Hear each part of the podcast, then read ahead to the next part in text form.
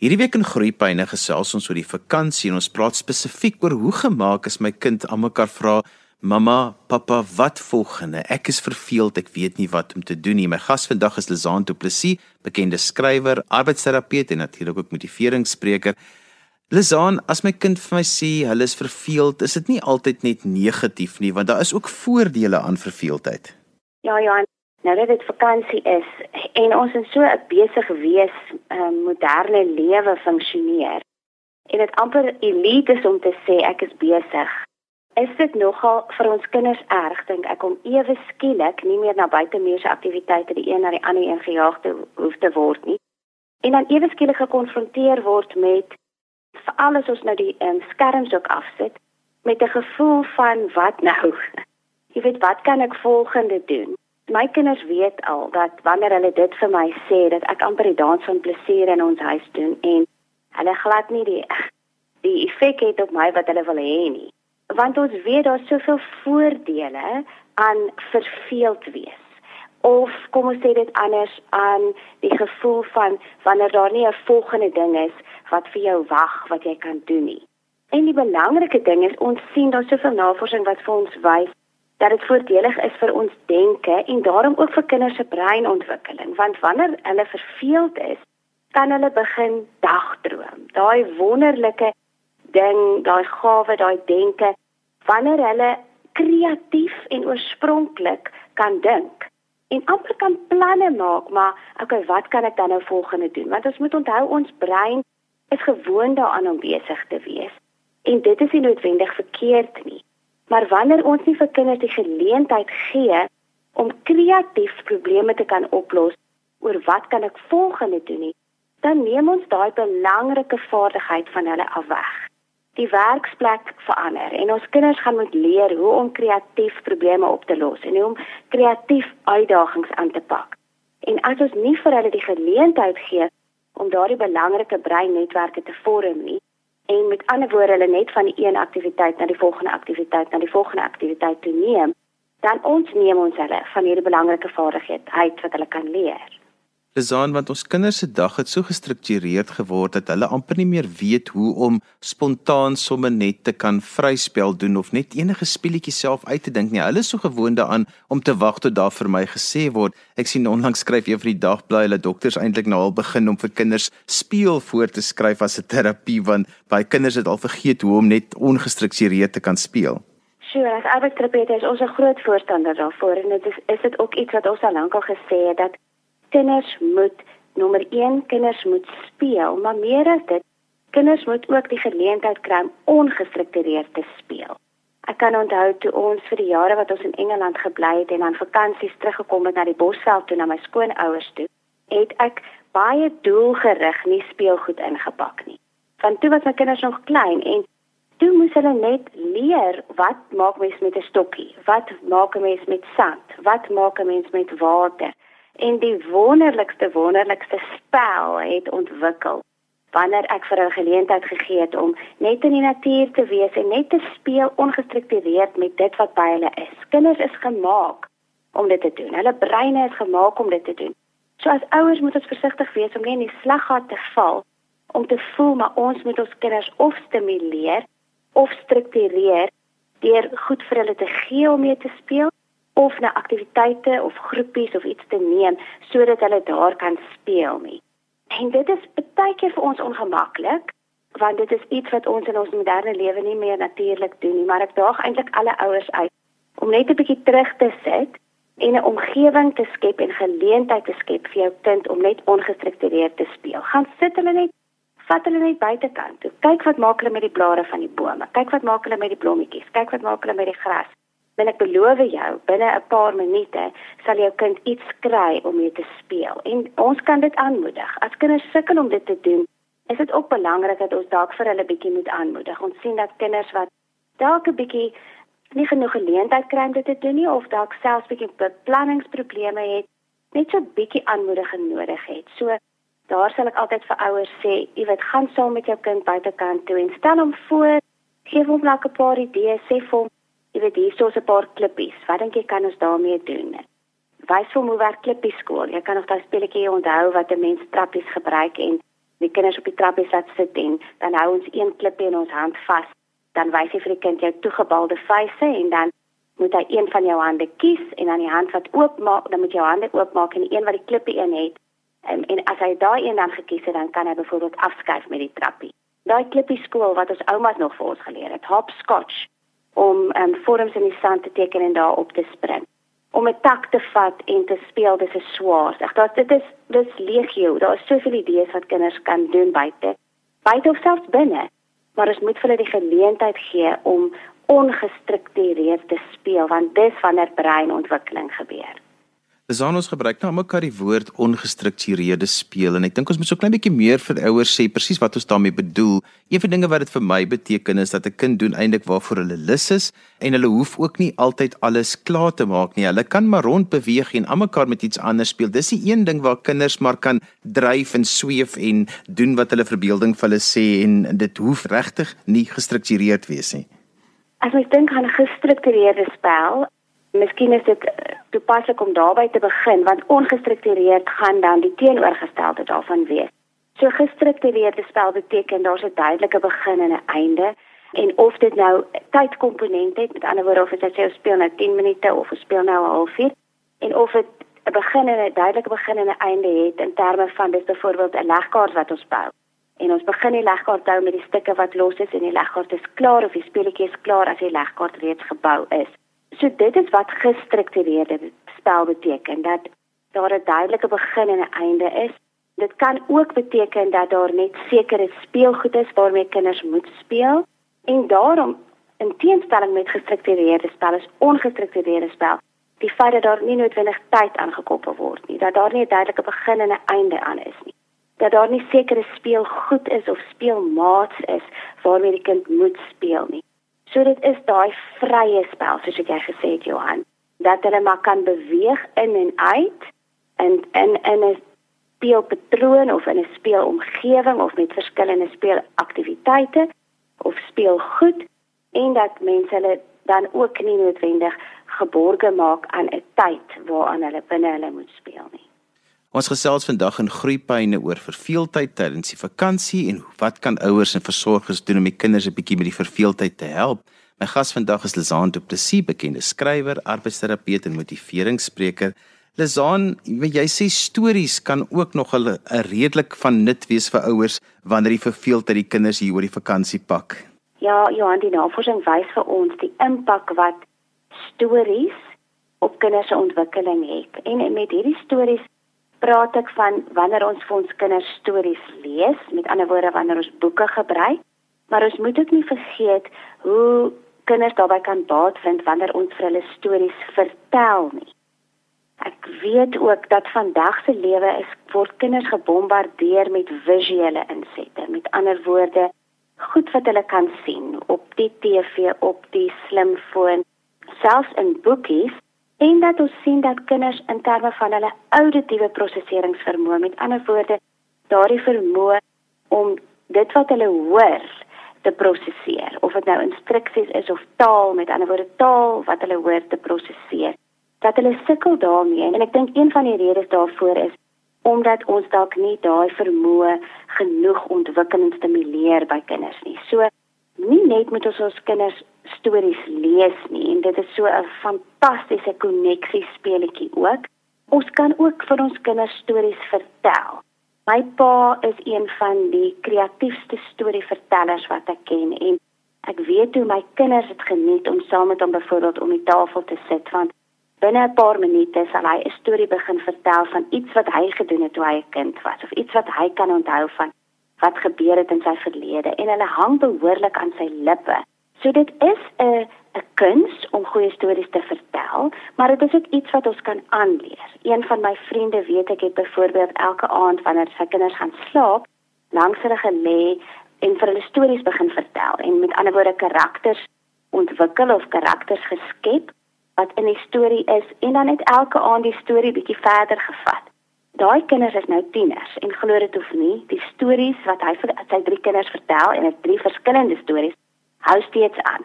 Dit is fantasties want nie net is dit die koneksie wat ons met ons kinders bou na 'n verhouding wat ons versterk nie, maar dit is ook kreatiewe denke wat by kinders ontwikkel. So ons kan eerstens vir ons kinders stories vertel en tweedens kan ons ook vir hulle dalk die geleentheid gee om saam met ons stories te vertel. En ons doen dit gereeld byvoorbeeld wanneer ons in die kar ry.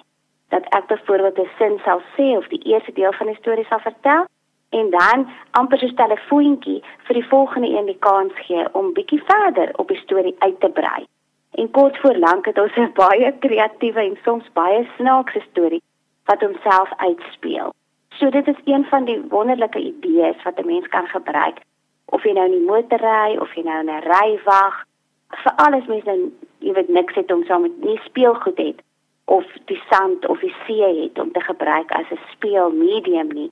Kan mens definitief stories gebruik want dit is so voordelig vir kinders om dit te hoor en om deel te wees van so 'n storie. Lizaan is ook belangrik om met jou kinders te gesels oor wat alles vandag gebeur het en in die volgorde want dit is nogal lekker as kinders dinge in volgorde kan onthou want dit ontwikkel nou weer ander goed by hulle.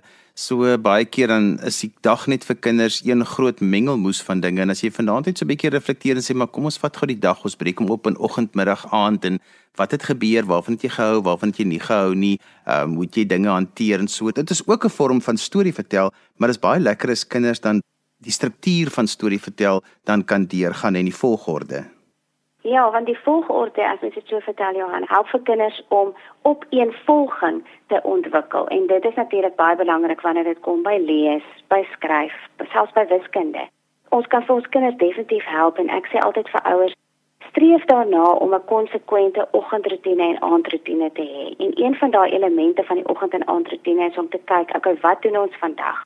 Of wat doen ons vir oggend? Ons borsel eers ons tande, dan trek ons aan, dan eet ons, dan gaan ons skool toe. En dit gebeur elke oggend op dieselfde manier en in die aand probeer ons ook dieselfde doen. Ons eet dan bad ons dan lees ons twee boekies en dan gaan slaap ons. En in daai tyd kan 'n mens natuurlik van hierdie storie vertel aktiwiteit gebruik maak om vir kinders te help om sin te maak van dit wat in hulle dag gebeur ons weet as ons op hierdie manier met ons kinders praat dat ons ook vir hulle help om emosionele intelligensie te ontwikkel want hulle kan dan dalk praat oor dit wat vandag gebeur het wat sleg was of wat moeilik was om te hanteer en saam met ons maniere kry om sin te maak daarvan 'n emosie daaraan te koppel en so ook dan te praat van maar as dit volgende keer weer gebeur hoe kan mens dit hanteer so daar was eendag so 'n mooi fliek 'n hele paar jaar gelede waar hulle saam om die etenstafel gepraat het oor die hoogtepunte en die laagtepunte van 'n dag. So as jou kind dit dalk nou nie in staat is om oor die hele dag te praat nie, begin dalk net daarby om te gesels oor wat was vandag jou hoogtepunt en wat was jou laagtepunt. Want nie net leer ons kinders so kommunikasievaardighede nie, maar hulle leer ook emosionele intelligensie en om sin te maak van dit wat hulle in hulle dag gebeur het. Lesaan vir die meeste kinders kom dit natuurlik om niks te doen, bietjie verveeld te wees en dan iets te vind om te doen. Maar daar's baie kinders vir wie dit eintlik 'n angsvolle ervaring is die oomblik as jy vir hulle sê, "Maar gaan speel nou buitekant, hou jouself besig," want dis nie noodwendig vir hulle 'n gemaksone nie en dit is wat hulle dan baie keer amper met stres laat en hulle begin dan later selfs uitreageer Hoe maak 'n mens met sulke kinders om hulle stelselmatig daarin te kry dat hulle ook 'n bietjie vryspel kan doen en mens raak baie keer nogal geïrriteerd en sê maar jy kan mos jouself besig hou, maar dit kom nie vir hulle natuurlik nie. Ek dink daar's twee goed wat 'n mens kan doen hier Johan. Die een ding is om saam met hulle dit te doen. So gaan saam met jou kind buitekant toe en modelleer wat voorstelle of idees van wat om te doen. Ek hou daarvan om kleintjies byvoorbeeld uit te vat en vir hulle te sê wat die hulle sintuie te gebruik. Wat sien jy? Wat hoor jy? Wat ruik jy? Wat dink jy kan jy aanvat of hoe voel dit as jy aan dit vat? Is dit grof of is dit glad? Is dit hard of is dit sag? Is dit swaar of is dit lig? So net so kan mense byvoorbeeld by kinders net help om idees te vorm oor wat om te doen en vir hulle te dit modelleer saam met hulle te speel. Aan die ander kant wat ek ook gereeld met my kinders doen is om 'n lysie te maak en te sê, "Oké, okay, Wat dink julle kan ons alles hierdie vakansie maak? Ek sit nou eintlik hier en kyk na my 12-jarige se lysie. En dit sluit dinge in soos sy wil graag 'n fliek sien, sy wil leer om te brei, sy wil na 'n museum toe gaan, sy wil buitekant 'n den gaan bou. Natuurlik is al hierdie idees wonderlik om byvoorbeeld op 'n lysie te skryf. Of mens kan dit sommer opknip en in 'n bottel ingooi. Daai dag wanneer jou kind nou sê, "Mamma, ek het verveeld, ek weet nie wat om te doen nie," dan gryp mens daai verveeld wees bottel en jy haal 'n idee daaruit en jy kyk byvoorbeeld wat kan jy doen? Want dit is so ons kinders lewe so gestruktureerd dat dit soms net 'n bietjie meer doelgerigtheid en en 'n bietjie meer kreatiewe denke vat vir hulle om hulle soort van te help om aan nuwe idees te dink. Dis dan wanneer kinders vryspel doen en wanneer hulle ongestruktureerd speel, dan is dit ook die tyd wat kinders nogal so klein bietjie makliker van mekaar verskil, hulle raak makliker aan die beklei. En dit is tog maar alles deel van daardie sosiale interaksie wat moet vorm en hoe mens self jou in 'n groep laat geld, maar vir baie ouers is dit 'n bietjie hulle wil homself ook net 'n bietjie hulle skoene onder die tafel inskop en net so 'n bietjie nou moet hulle nog die kinders bymekaar hou en begin hulle beklei en so. Watse wenke het jy daarvoor wat ook saam met die verveeldheid gaan? Ja, nee, dit ek is ook 'n sterk ondersteuner daarvan Johan dat kinders ook moet leer dat ons as volwassenes nie altyd daar gaan wees om vir hulle te help, om vir hulle te ondersteun, om vir hulle aan te moedig om te speel nie. So kinders moet daai interne motivering ontwikkel om self aan idees te dink om wat hoe om te speel, om self konflikte te hanteer en om self daai bekleierery, soos ons nou maar sê tussen Boetie en Sissie te hanteer en dat dit nie net van die volwassene afhang om heeltyd in te gryp en te help nie. Maar soos jy reg sê, dit kom nie altyd van self nie. En wat ek nou byvoorbeeld sien wat definitief in my huis ook afspeel is omdat ons sulke besige lewens het en ons baie keer verby mekaar lewe dat daardie koneksie verbreek word tussen kinders. En dit is in my oë die grootste rede hoekom kinders beklei en hoekom daai sibling rivalry en daai bekleierery tussen Boetie en Sussie gebeur, is die diskonneksie wat gebeur wanneer ons lewe so besig is. So my eerste en belangrikste raad aan ouers is altyd om te kyk of mens nie weer daai koneksie net kan versterk nie. En 'n manier om dit te doen is om tyd saam te spandeer en iets te doen wat die serotonien en die goedvoelhormone weer vrystel. En die twee goed wat dit definitief doen is om buitekant te speel en om beweging in ons daaglikse lewe in te bring. So al is jou kinders nou besig om te beklei en jy wil net nou 'n behoefte om jou skoene uit te skop. Spandeer 5 of 10 minute net om daai koneksie weer te vorm. So gaan buitekant na die parkie toe, ry op julle fietses, swaai, gaan swem, doen iets fisies saam. En jy sal sien baie binnekort sal daai genot wat jou kinders geput het om iets saam te doen en wat hulle geniet het, oorspoel en oorvloei na die res van die dag toe. So belê daai 5 of 10 of 'n halfuur of 'n uur om jou kinders te kry om net weer die koneksie te versterk en dan vir die res van die dag sal jy sien dat hulle sommer makliker saam speel. So dit is een van die tegnieke. 'n Ander tegniek is ons nou regtig sien dat kinders glad nie saam kan speel nie. Is om hulle maar bietjie te skei en te sê, "Oké, okay, Boeta gaan nou met sy Lego in hierdie kamer speel." En sy sê jy kan nou met jou poppe in daai kamer speel. Vir hulle fisies met ander woorde bietjie te skei, maar ek dink die langtermyn oplossing is nog steeds eerder om aan die koneksie te werk sodat hulle kan leer om saam te speel en in dieselfde omgewing te speel en nie altyd hoef te geskei te word nie. Maar dit is nie iets wat oornag gebeur nie. Dit is iets wat ons as ouers doelgerig aan moet werk. Lizane en as ons 'n bietjie sê maar ongestruktureerde speel sluit nie eintlik tegnologie in nie. Dan weet ek die kinders begin 'n onttrekking kry en dan s hulle ook moeilik en dan s hulle ook verveeld wat skielik is die ding wat hulle meeste van hulle tyd wou spandeer nie meer beskikbaar nie en dan is jy ook nou die ergste ouer in die hele wêreld oor jy nou besig so met tegnologie so bietjie te beperk hier oor die vakansie. Ja, dit is nou dit is nou iets sê sê Jan wat ons nie gesê het nie. Maar wat so belangrik is vir ouers om te weet, dat enige skerm, of dit nou die Xbox of die TV of die selfoon of die tablet is, is definitief nie binne die definisie van ongestruktureerde spel nie. En ja, ons weet wat gebeur in daai tyd, die dopamien word afgeskei en kinders wil net meer en meer daarvan hê. So die uitdaging vir ons ouers is om 'n balans te kry. Ek sê nie ons moet dit heeltemal wegvat nie, alhoewel ek ook 'n voorstander is om baie keer skermvrye dae te hou en een keer 'n week ten minste vir al in die vakansie of as jy die geleentheid het om om buite opvangs te wees om die geleentheid te gebruik en vir kinders die die voordele daarvan uit te wys. Ja, jy gaan dalk bietjie die monster wees en jy gaan nie dalk so gewild wees nie.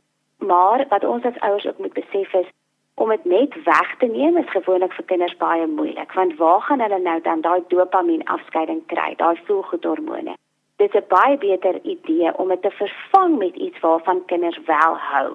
So weer eens, ek sê nie net ons moet dit net sê sit met die TV's af, sit met die tablet af, gaan speel nie. Ons moet vir ons kinders help om daai van sit af die skerm tot by die genot wat hulle uit die ongestruktureerde spel kry. Ons moet daai brug vir hulle baie keer help om te kruis en dit sal baie goed werk as 'n mens dan koneksie weer gebruik. So sit die selfoon neer, sit die TV af, sit die Xbox af. Kom, kom ons gaan stoei eers 'n bietjie. Kom ons gaan spring saam op die trampolien. Kom ons gaan doen iets lekker saam en dan sal jy kinders sien, maar o, dit is lekker om iets saam met mamma te doen of dit is lekker om iets te speel wat nie noodwendig die skerm insluit nie.